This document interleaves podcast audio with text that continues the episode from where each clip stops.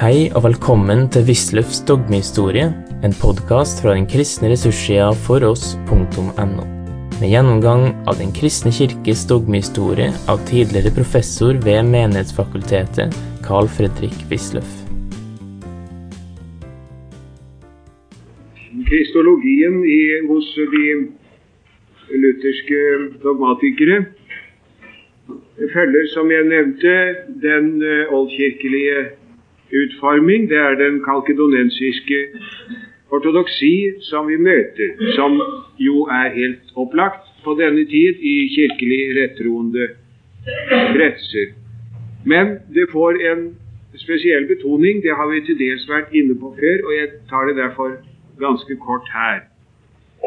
Eh, man taler om eh, idiomatum, en gjensidig meddelelse av egenskaper mellom den eh, guddommelige og den menneskelige natur. Eh, for det første mm, genus idiomaticum. Det som er betegnende for én av naturene, tilskrives personen. Så kan man si at herlighetens herre er korsfestet. Det, det, det kan man altså si. Og så for det andre genus tapenotikon, den guddommelige natur, gir den menneskelige sine egenskaper. Eh, det er genus majestaticum, heter det. Derimot ingen den andre veien, for man kan ikke tenke seg at Gud kunne lide. Kristus etter guddommen lider ikke annerledes enn at han er med under det som skjer. Altså en genus majestaticum. Og så en genus apotelesmaticum. Apotelesma på gresk betyr virkning. Når Kristus handler som ypperste prest, profet og konge, så er begge naturer virksomme etter deres respektive egenskaper. Eh, det, det som er det eh, eiendommelige ved den lutherske utforming, er altså eh, at man så sterkt lar den menneskelige natur få del i den guddommelige naturs egenskaper. Det slår jo ut i nadværteologien, som vi ofte har vært inne på. At eh, Luther og den lutherske teologi har denne uvikvitetslæren som tillater den menneskelige natur å være allestedsnærværende. Og der kommer vi til et annet punkt som jeg vel burde ha hatt noen få linjer om. Og Jeg vil be at De kanskje noterer noen få setninger på den blanke siden der mot side 151. Man skjelnet mellom Kristi fornedrelsesstand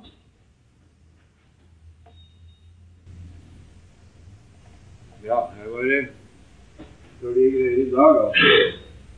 Jeg får prøve om jeg kunne få klemt inn status X Ja, først skal vi ha fornedrelsesstand. Eh,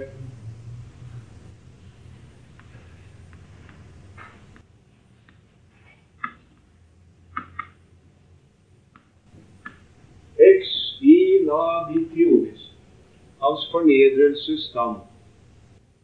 Og, eh, og hans opphøyelsesstand. status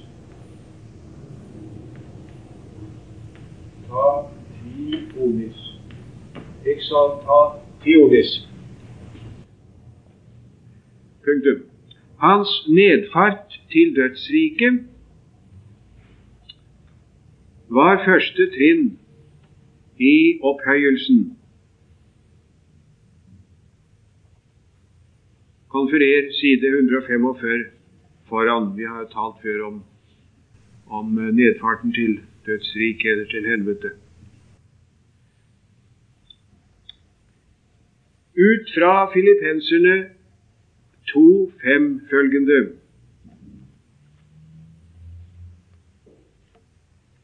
talte man om Kristi kelose. Det ikke så mye som pleier å være dårlig, men i dag er absolutt ingenting.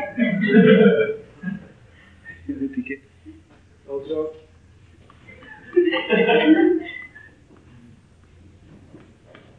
Tenose. Det heter jo i Filippenserne 2 eh, 7 er vel det He av ton ekenosen.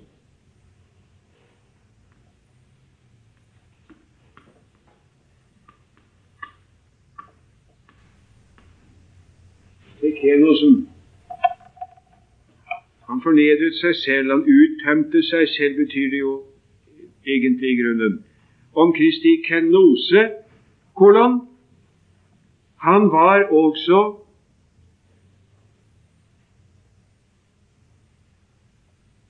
i sin fornedrelsesstand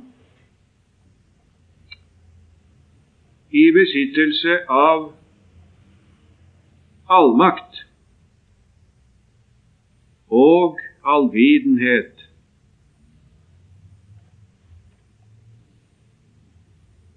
Men brukte dem ikke. Punktum.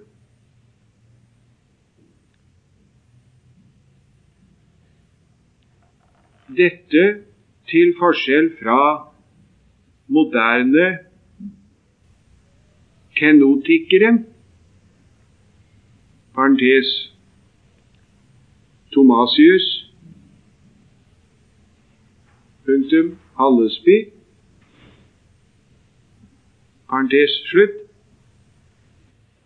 som mente at Kristus ved inkarnasjonen gav avkall på disse guddommelige egenskaper. Ja. Tomasius, også Hallesby her hos oss. Jeg skal si litt om dette etter at jeg har diktert en, to korte setninger til. At han ved inkarnasjonen ga avkall på disse guddommelige egenskaper. Sett en tankestrek, eller begynn på nytt avsnitt. Tybingen-teologene begynte å lære kolon. Kristus ga ikke avkall på de guddommelige egenskaper, han bare skjulte dem krypsis i parentes.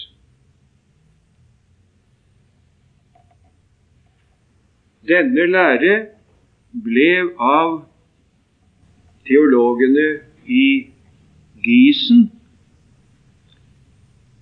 avvist som doketisk. Jeg vil få si litt om, om alt dette her. Eh, dette med den dobbelte stand, status, har jeg vært inne på før. Man tok utgangspunkt i dette store kristologiske utsagn i Filippenserbrevets annet kapittel at Kristus fornedret seg selv, og derfor har Gud høyt opphøyet ham, alle disse ledd. Og de vil huske at Luther eh, at man da plasserte leddet for ned til dødsriket på forskjellig plass Luther mente det var i grunnen eh, ikke noe annet som var ment der enn hans smerte og, og samvittighetsangst eh, og nød i Getsemane og på korset. Det mente også Calvin, og det er en innflytelse fra mystikken, faktisk.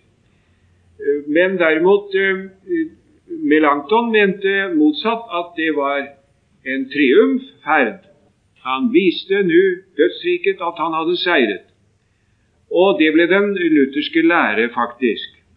Og På grunnlag av den har man da, som jeg nevnte, polemisert mot de reformerte, og dermed i virkeligheten polemisert imot Luthers oppfatning.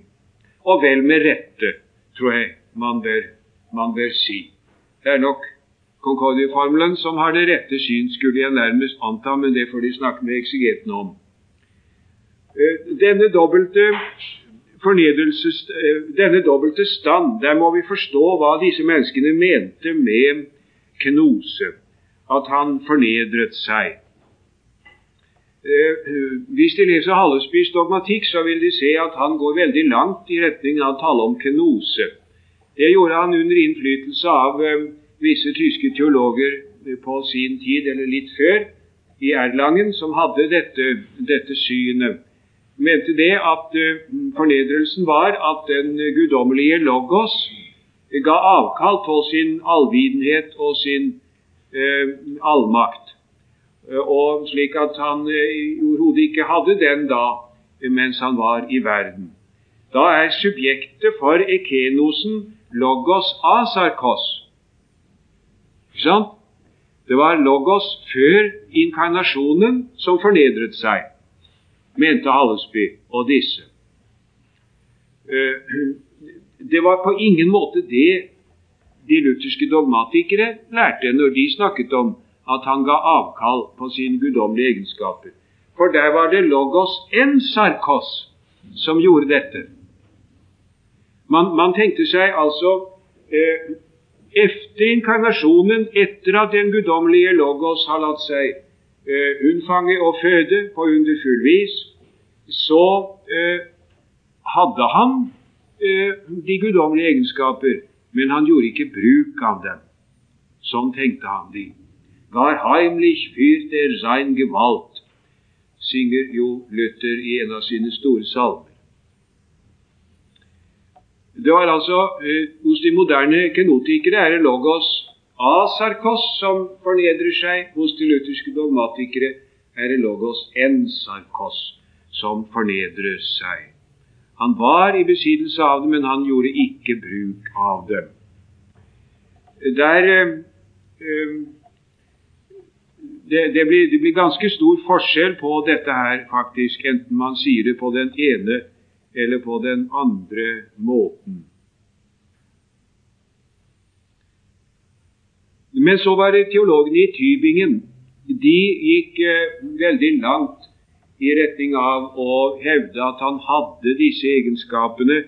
Han hadde ikke gitt avkall på dem engang, han bare skjulte dem. Den striden hører heller ikke til de mest klargjørende, sant å si, det er uh, veldig, veldig, innviklet og veldig fine distinksjoner man kommer inn i. Vi bryr oss derfor ikke så fælt mye om det akkurat. Uh, den læren deres ble avvist som doketisk av teologene i Gisen. Mente som så at da, da, da, er det jo faktisk ingen inkarnasjon, inkarnasjon som har funnet sted da. Og en inkarnasjon har man funnet sted. Og det at Kristus ble menneske, det er i og for seg ikke noen fornedrelse. For vel å merke, han er et menneske også i opphøyelsen. Det er jo Skriftens lære, og det har Kirken fastholdt, og den lutherske kirke selvfølgelig fastholdt. Husk på det at han er et menneske også i opphøyelsen. Hans menneskelige natur er blitt eh, forklaret. Graven var tom, Eh, han sto opp. Hans legeme ble oppreist fra de døde, men med fornyede egenskaper og, og et herliggjort legeme. Men, men, han er fremdeles et, et menneske. Gud og menneske, Guds sønn og Marias sønn. Og derfor kunne i og for seg inkarnasjonen tenkes å ha funnet sted uten, uten, eh, uten, at det behøver å være noen fornedrelse. Fornedrelsen var at han etter å være blitt menneske eh, ga avkall på det alt sammen, slik at han ble født under loven, omskåret på den tredje dag, på, på den åttende dag, og at han eh, var sine foreldre lydig, og senere ut igjennom fra punkt til punkt. Det, var det, det, det er kenosen, sånn som disse lærte dem. Det er ikke så mye tale om dette lenger, men i var livlige debatter her i auditoriet i gamle dager. Hallesby doserte om disse ting. Det var to eller tre stykker av oss som på ingen måte kunne følge ham i denne forståelse. Og eh, en av disse står jo nå og er dogmatiker, og en annen er kirkehistoriker her på det samme kateter. Men det har, en viss, eh, det, har, det har altså en viss dogmehistorisk interesse, for det blir en viss forskjell i bildet man får, enten man tenker på den ene eller på den annen måte. De moderne kenotikere ville verne liksom Kristi menneskelighet. Og det er i den åndssituasjonen hvor de befant seg, meget forståelig, for det, det, var jo, de var jo under et veldig press i samtiden fra den liberale teologi, fra alt som var toneangivende og oppe i samtiden, og som vi ikke føler sånn enda, for tampen brenner ikke akkurat der nå, i retning av at det med Kristi guddom mer eller mindre ble skjøvet i bakgrunnen. Det gjaldt å få frem Kristi menneskelighet. Og for en ortodoks teolog som Hallesby gjaldt det da å kunne gjøre dette uh, uten, å, uten å gi opp den kirkelige tro, Bibelens tro på Hans guddom. Så fant man da denne måten å gjøre det på, som vel ikke var den, den fornuftigste i, i, i virkeligheten. Så handler Kristus som uh, ypperste prest, profet og konge. Det heter hans munus triplex. Munus triplex. Munus triplex det, eh, Først så talte man lenge om munus duplex, eh, nemlig yppersteprest og konge. Calvin talte om den tredobbelte embetet i tilknytning til Eusebios, og etter hvert så ble det også overtatt på luthersk hold. Den reformerte teologi følger altså ikke eh, den eh, lutherske i hele dens lære om communicatio idiomatum. Og især er det én ting som er viktig, og det er det såkalte kalvinistiske ekstra. Det kalvinistiske ekstra.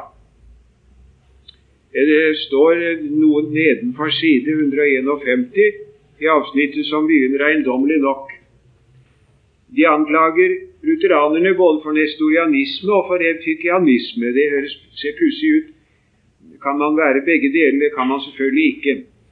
Men uh, alt ettersom så finner de ut at så er tilfellet. Vi behøver ikke feste oss så mye av det, men uttrykket det kalvinistiske ekstra, det er eh, noe å, å, merke seg, kanskje. For det går simpelthen ut på at eh, Kristi menneskelige natur er jo i himmelen, og hans guddommelige natur er utenom denne. Ehm, de kan her høre en, hvordan de har fått et enkelt uttrykk i Heidelberg-katekismen. Det kan sies så enkelt som dette. Ist denn Christus nicht bei uns bis ans Ende der Welt, wie er uns verheißen hat? Er ikke Kristus hos oss til verdens ende, som han har lovt? Antwort. Christus ist wahrer Mensch und wahrer Gott. Nach seiner menschlichen Natur ist er jetzt Wunder nicht auf Erden, aber nach seiner Gottheit, Majestät, Gnad und Geist weicht er nimmer von uns. Etter sin menneskelige natur er han ikke på jorden, men etter sin guddom er han, Vi kan aldri fra oss. Så kommer spørsmålet. Eh, men blir ikke da på den måten de to naturene i Kristus skilt fra hverandre, sånn at mens, hans menneskelighet ikke er overalt der hvor hans guddom er? Svar. Mitnichten, denn weil die Gottheit unbegreiflich und allenthalben gegenwärtig ist, so muss folgen, dass sie wohl außerhalb ihrer angenommenen Menschheit und dennoch nichtsdestoweniger auch in derselben ist und persönlich mit ihr vereinigt bleibt. På ingen måte, for da Hans guddom på ubegripelig måte er allesteds nærværende, så følger at den vel er utenom hans antatte menneskehet, og dog ikke desto mindre i den samme og personlig forenet med dem. Außerhalb ihrer angenommenen Menschheit. Ekstra. Den guddommelige natur er ekstra den menneskelige, for den menneskelige er i himmelen, den guddommelige er overalt. Det er det reformerte syn, som har mer i likhet med den katolske betraktning enn med den lutherske. Om kirkesynet hadde jeg et par eh, noen bemerkninger i går, og gjentar ikke det. Vi, vi kommer til pietismen. Og Der kan man være i tvil om hvor mye vi egentlig i dogmehistorien skal oppholde oss ved pietismen.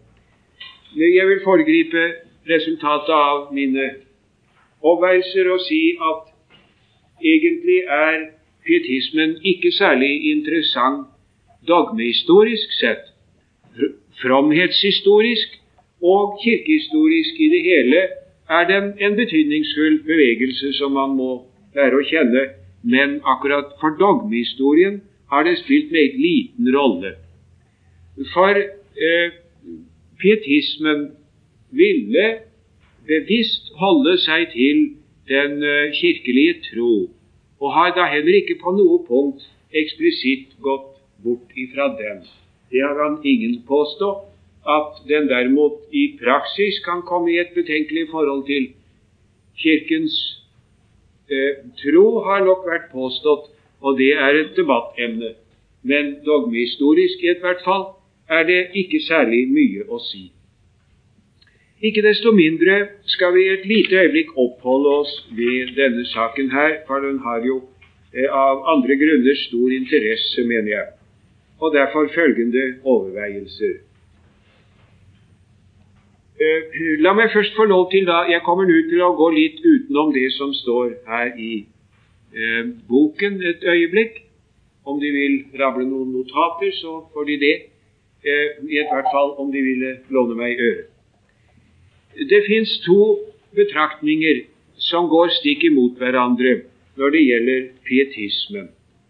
Den ene kunne stikkordmessig angis på denne måten død ortodoksi, levende pietisme.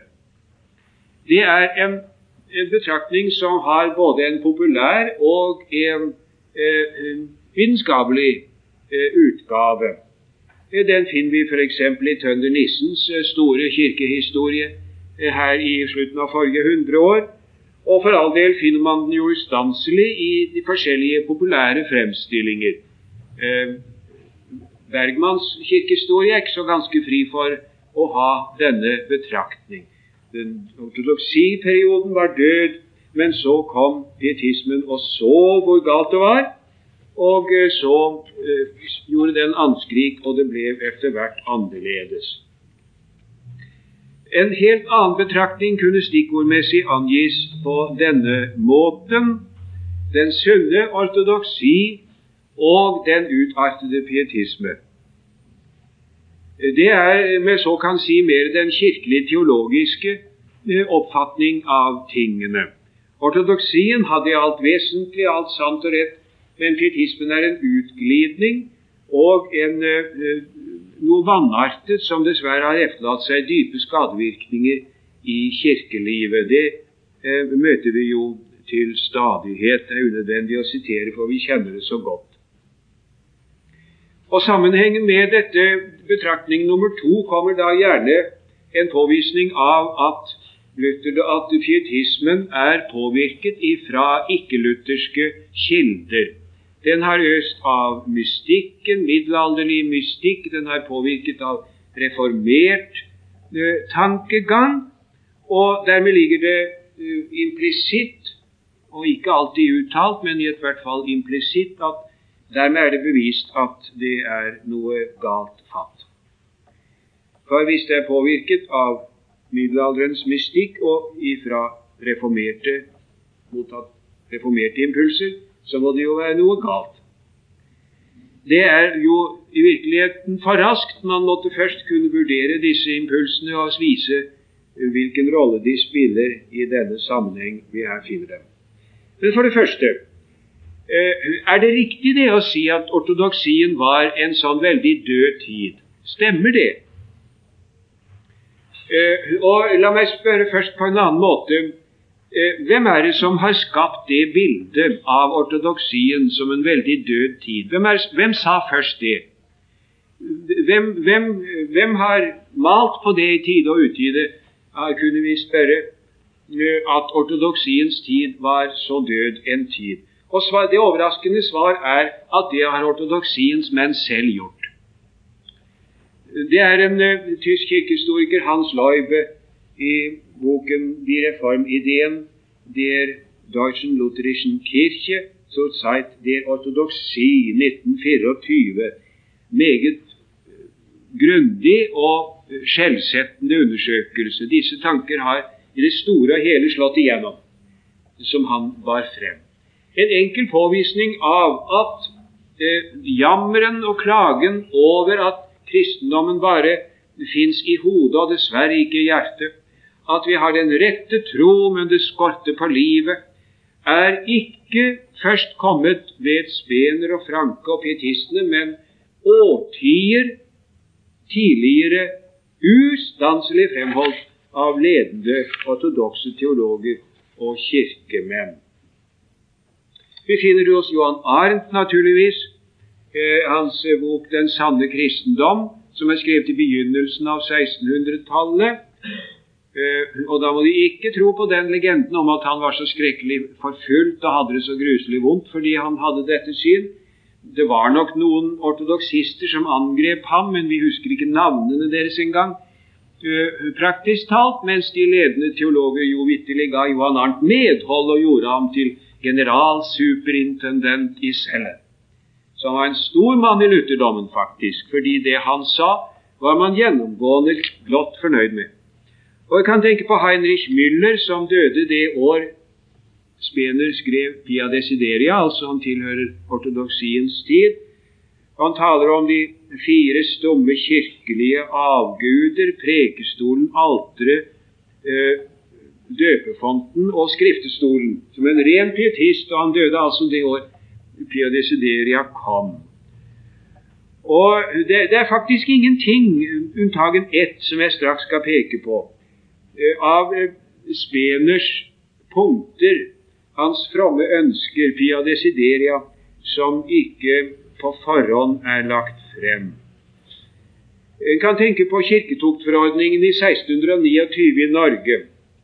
1629, altså lenge før man talte om pietisme at mange i den forfengelige mening befunden er at den sanne gudstjeneste fornemligen og aleneste består i de udvortes kirkegang, sakramentenes udvortes bruk, sjungen beden og dess like, uansett deres levnet og omgjengelse ikke befindes Guds ords vilje lig og enformig. 1629, Christian Kvarts tid. Det er eh, lenge før pietismen nøyaktig den samme, den samme tone. 1593 så tidlig den meget store brøst og mangel som finnes hos prestene så vel som proster på landsbyene og ute i kjøpstedene overalt i vårt like Norge, at mange deres levnet og lærdom ikke følges av. En god pietist i 1593. Det, det, det er jo klart det var ortodoksiens tid, det der, i høy grad.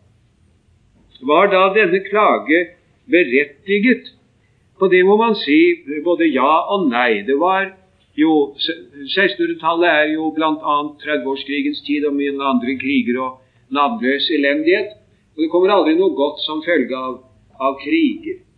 Den, den, den, den lutring av sedene som krigsromantikere har skrevet om, den tror vi ikke mer på. Krig er ondskap og styggedom, og det kommer ikke noe godt ut av kriger, moralsk eller religiøst. Så det er klart. Eh, men eh, vi skal her merke oss én ting, og det er at man la et helt annen målestokk på sakene eh, når man klaget. For man ville at alle skulle være sanne kristne. Gadd vite hvordan tonene skulle bli i Norge i dag hvis vi skulle ta de berømte 96% som, av folket som tilhører statskirken, og forlange at de skulle leve som gode kristne. Da kunne vi nok si som i bededagsbønnen fra 1688 at vi kaller oss kristne, men akk, hvor elendig er ikke vår kristendom plettet som den er av stygge syndere og overtredelser. Man talte, ikke, man talte ikke om de fromme da, men man talte om alle, for alle kongens undersåtter hadde plikt til å være fromme. Det ble målestokken. Og da kan man saktens klage. Så at det var så mye dårligere med det som vi ville kalle bekjennende kristne da enn nå, betviles sterkt. Og at forholdet i folket var så mye dårligere enn nå, betviles også. Man har tatt med seg rubb og rake inn i den aller strengeste kristelige målestokk og bedømmelse, og så klager man. Det er situasjonen på 1600-tallet. Det må vi ikke glemme. Eh, pietismen kom på en tid med stor eh, individualisme. Det bryter igjennom en veldig individualisme på den tiden. Og eh, nye tanker fra naturvitenskapen og filosofien kommer jo på denne tiden. Eh, de engelske deistene må huske på det når vi snakker om opplysningstiden, og så daterer den liksom da etterpå pietismen, så må vi jo se nøye på årstallene og være klar over at uh, Cherbury f.eks. er før Arnt i tid. Og Derfor har nyere fremstillinger meget riktig uh, liksom subsumert både pietismen og opplysningstiden under liksom den nye tid. Sånn gjør Sånn gjør heldigvis uh, Gjøransson i bind to av den bok som man nå gått over til å bruke, eller etter hvert går over til å bruke. Det er helt riktig. En ny individualisme og pietismen var fra en side sett et forsøk på å komme den nye tids mer individualistiske betraktning i møte. Eh, nå heter det gjerne at eh, pietismen ville gjennomføre sitt program med tvang, og at dette skapte mye hykleri. Det er også både, er også både riktig og galt. Der, vi kan tenke på Danmark og Norge. 1735, sabbatsforordningen som eh, Hans pietistiske majestet, majestet Kristian 6. ga. Uh, Visselig er den full av tvangsbestemmelser. Man skal og man må, vær så god pent.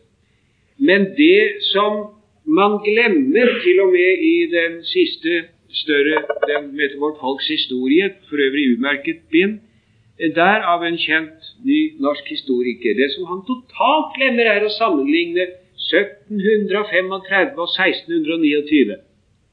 Altså over 100 år før fikk man den store kirketuktforordningen på Kristian Parts tid, 1629. Og så kommer hans arvtaker over 100 år etterpå, 1735. Hvor er det mest tvang? Svaret er det kan bli akkurat slikt slag. Akkurat slikt slag. Det skal være veldig vanskelig å finne noe særlig mye som er annerledes. Kirketuktforordningen har også gapestokk for dem som banner og går sjelden i kirken osv. Ortodoksien hadde det naturligvis fordi det er folkekirkens tid, og alle skulle være kristne. Alle kongens undersåtter hadde plikt til å være kristne. Gode kristne. Alle sammen. Eh, det, det, at det er en ny tid, ser man på den måten at noe av det første Kristian 6. gjorde, var å oppheve kirketoktforordningen. For Hans Majestet hadde den nye tids fromme betraktning at det kom an på det enkelte hjertes fromme trang. Man kunne ikke tvinge. Det er pietismen. Det var bare de sørgelige frukter av dette som fikk ham, akkurat som Luther 200 år tidligere, til å tvile på om teorien egentlig holder. Luther mente jo også det at når man bare forkynner evangeliet så hjertene blir Eh, født på ny og varme og glade, så holder de Guds bud uten videre.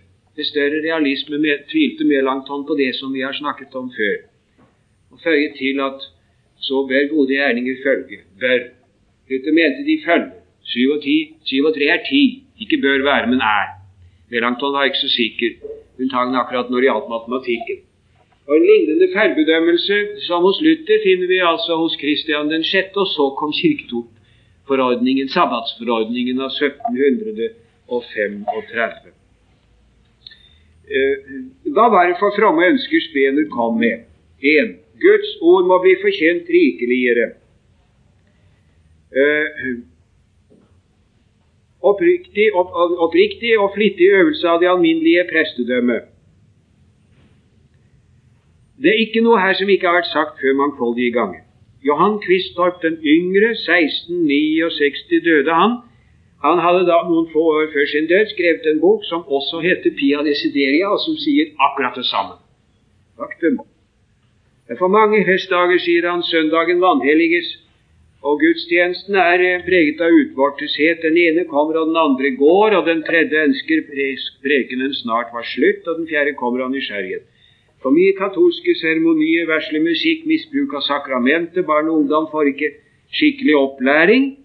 Ved dødsleiet gir man folk sakramentet tankeløst, og ved graven prises hver død salig. Jeg skulle tro det var spener, men det var lenge før. Og eh, dette med det alminnelige prestedømmet, der kan man bare nevne Theofil Gråskebauer. Wächterstimme aus dem verviste Sion 1661. 14 år før Pia Desideria. Han klager over at presten han, er, han står alltid der og preker. Han kaller presten for der Allein-prediger. Der Allein-prediger. Uh, kaller denne mann presten for. Og for det fjerde mer måtehold og saktmodighet i konfesjonell polemikk. Det var Speners fjerde ønske, og det er altså mange sukket, hvilket man nok kan forstå når man f.eks. tenker på eh, von Honegs bok 'Beweis, dass die Calvinisten i 99 stykken mit den Arianern und Tyrken übereinstimmen'. 1645 døde denne drabelige lutherske ortodoksister. Von Honeck beweis, dass die Calvinisten in 99 Stycken mit den Arianern und Tyrken übereinstimmen. Så man kunne nok saktens ønske seg litt mer måtehold i polemikken, og det har mange sagt. Utdannelsen av prester må legges i mer praktisk retning. Og Da Kalovius hadde lest det, så skrev han til Spener, og der står det at eders fra mennesker er også mine. Faktum er at, for å sitere Loibe, Hans Loibe eh, De fem punktene til, eh, til eh, Spener der er det bare en eneste ting som ikke hadde vært sagt før utallige ganger, og i samme toneart. En eneste ting, hva er det? Konventiklene. Det er til gjengjeld et viktig punkt. Konventiklene, altså eh, samlingene, eh, småmøtene, sier vi gjerne i Norge, utover bygdene, i hvert fall i Birkenes, der kalte vi det for småmøtene. At vi møtes sammen i husene og leser og ber og synger sammen. Det er noe nytt. Og hvorfor var det dette kom? Jo, det er Og det ble det jo en voldsom strid for da. Strid om. Eh, og striden eh, den eh, kom jo av kirkelige kirkelig engstelse for oppløsende tendenser, og det er også forståelig for så vidt. for med den folkekirkelige bakgrunn måtte det ta seg slik ut, og var også mange ganger veldig ytterliggående. Det var jo en del radikalpietister som nærmest ikke var lette å ha med å gjøre, som skilte seg ut fra alt som Kirken het for Kirken og verden er akkurat det samme, mente de, sånn som Gichtel og hans englebrødre, som ikke ville gifte seg, og som fordømte en alvorlig mann som Gottfried Arnold, forfatteren av den berømte Kirchen und Ketzer-historie, av både med troen og livet, da han omsider, fryktelig å si det, giftet seg en Guds mann. Så det er jo klart at det, disse radikalpietistene var ikke nådige. Så man eh, Hele denne debatt måtte selvfølgelig føres, så man kan for så vidt forstå både det ene standpunkt og det annet. Men det var den nye tids mer individualistiske innstilling som brøt på, og som også her ga seg et visst utslag. Samfunnet differensieres jo på en helt annen måte enn før. Man leste ikke bare Johan Arnt framme på stilen lenger nå, men man leste jo de engelske deistene som var begynt å komme allerede på 1600-tallet, vi må huske det, og andre filosofer. Man leste kanskje endog Pierre Bale, og man var eh, midt inne i den sekulariseringsprosess som senere bare har fortsatt og fortsatt i stadig raskere tempo. Eh, hva er kildene til pietismen, da, med andre ord? Ja, man sier jo at den var påvirket av ulutherske kilder. Hvis de vil lese Wilhelm Cups store bok om Johan Arnt, så skal de få det påvist i to tykke bind meget inngående. Det var Valentin Weigel, den lutherske presten, som underskrev Concordia-formelen, men som viste seg jo å være helt uh, en mystiker uten noe i virkelig forhold til kirkelæren praktisk talt i det hele tatt. Han har han skrevet av. De hadde ikke våre begreper om, om copyright den gang, så fant man noe som man syntes var godt, så skrev man det av. Og en spansk nonne eh, eh, som heter Angela da Foligno, Eh, på 1300-tallet har han også tatt en hel del ifra om bønnen. Eh, men eh, man, man, må ikke bare se på det der, mener jeg. Man må, man må spørre for første hva er det som han har hentet? Og Svaret er da hos Valentin Weigel har han noe om bønnen. Og også hos Angela Tafolinio likeledes noe om, om hjertets rettethet mot Gud. Og det kan da vel tenkes at en spansk nonne på 1300-tallet kan si noe om det, selv om man altså var På 1300-tallet så var man jo katolikk. Man, man, var jo det. Jeg kommer til å tenke på et amerikansk ektepar som jeg traff i domkirken i Stavanger. Og hun ba meg om å si litt om denne kirken. Det gjorde jeg. De skjønte ikke noen verdens ting. Hun så plutselig på meg med runde øyne, og så sa hun Well, I Catholics?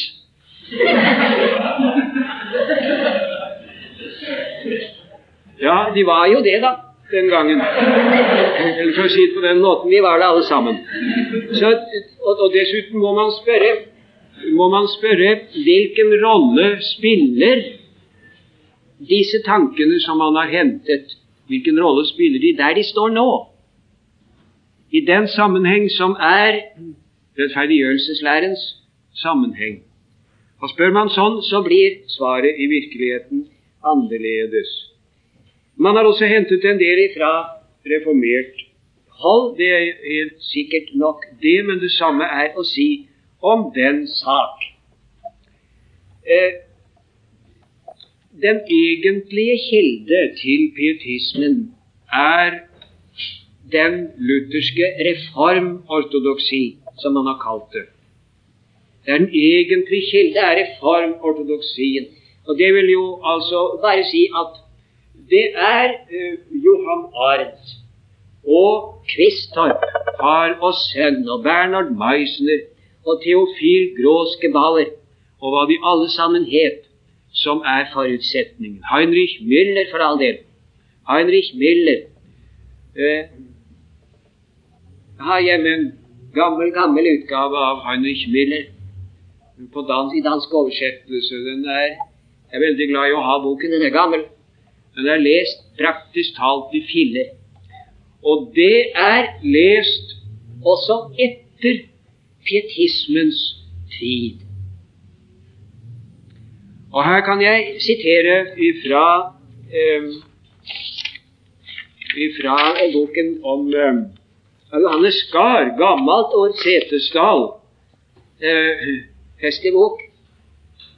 Der skriver han om lærerne later til at de i Setesdal ikke kalte dem for lesere, men lærere. Og så står det at uh, Hva var det for bøker de leste? Jo, så står det Guds ordsbøkene skulle være av det gamle slaget. De gamlere de var, de bedre var de. De hadde Luthers huspostell og Müller før, før, før pietismen. Somme hadde Brochmann 1635. Johan Arnt holdt deg så av. Det kan de lite på det gjorde, og det er helt i begynnelsen av 1600-tallet. Så var det nådens åndelige markedstid. Ramus 1680. Det er fem år etter Ia Desideria, men han eh, hadde nok dannet seg sitt syn før den tid så er det fandens fire døtre.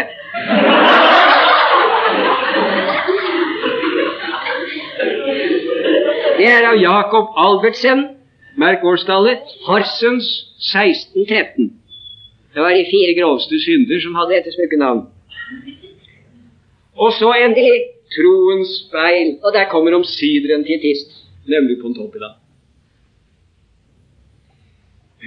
Det faktiske forhold rent kirkehistorisk er at i Danmark og Norge var den egentlige halvpietisme, den typiske eh, frankepietisme og spenerpietisme, det var en overklassebevegelse.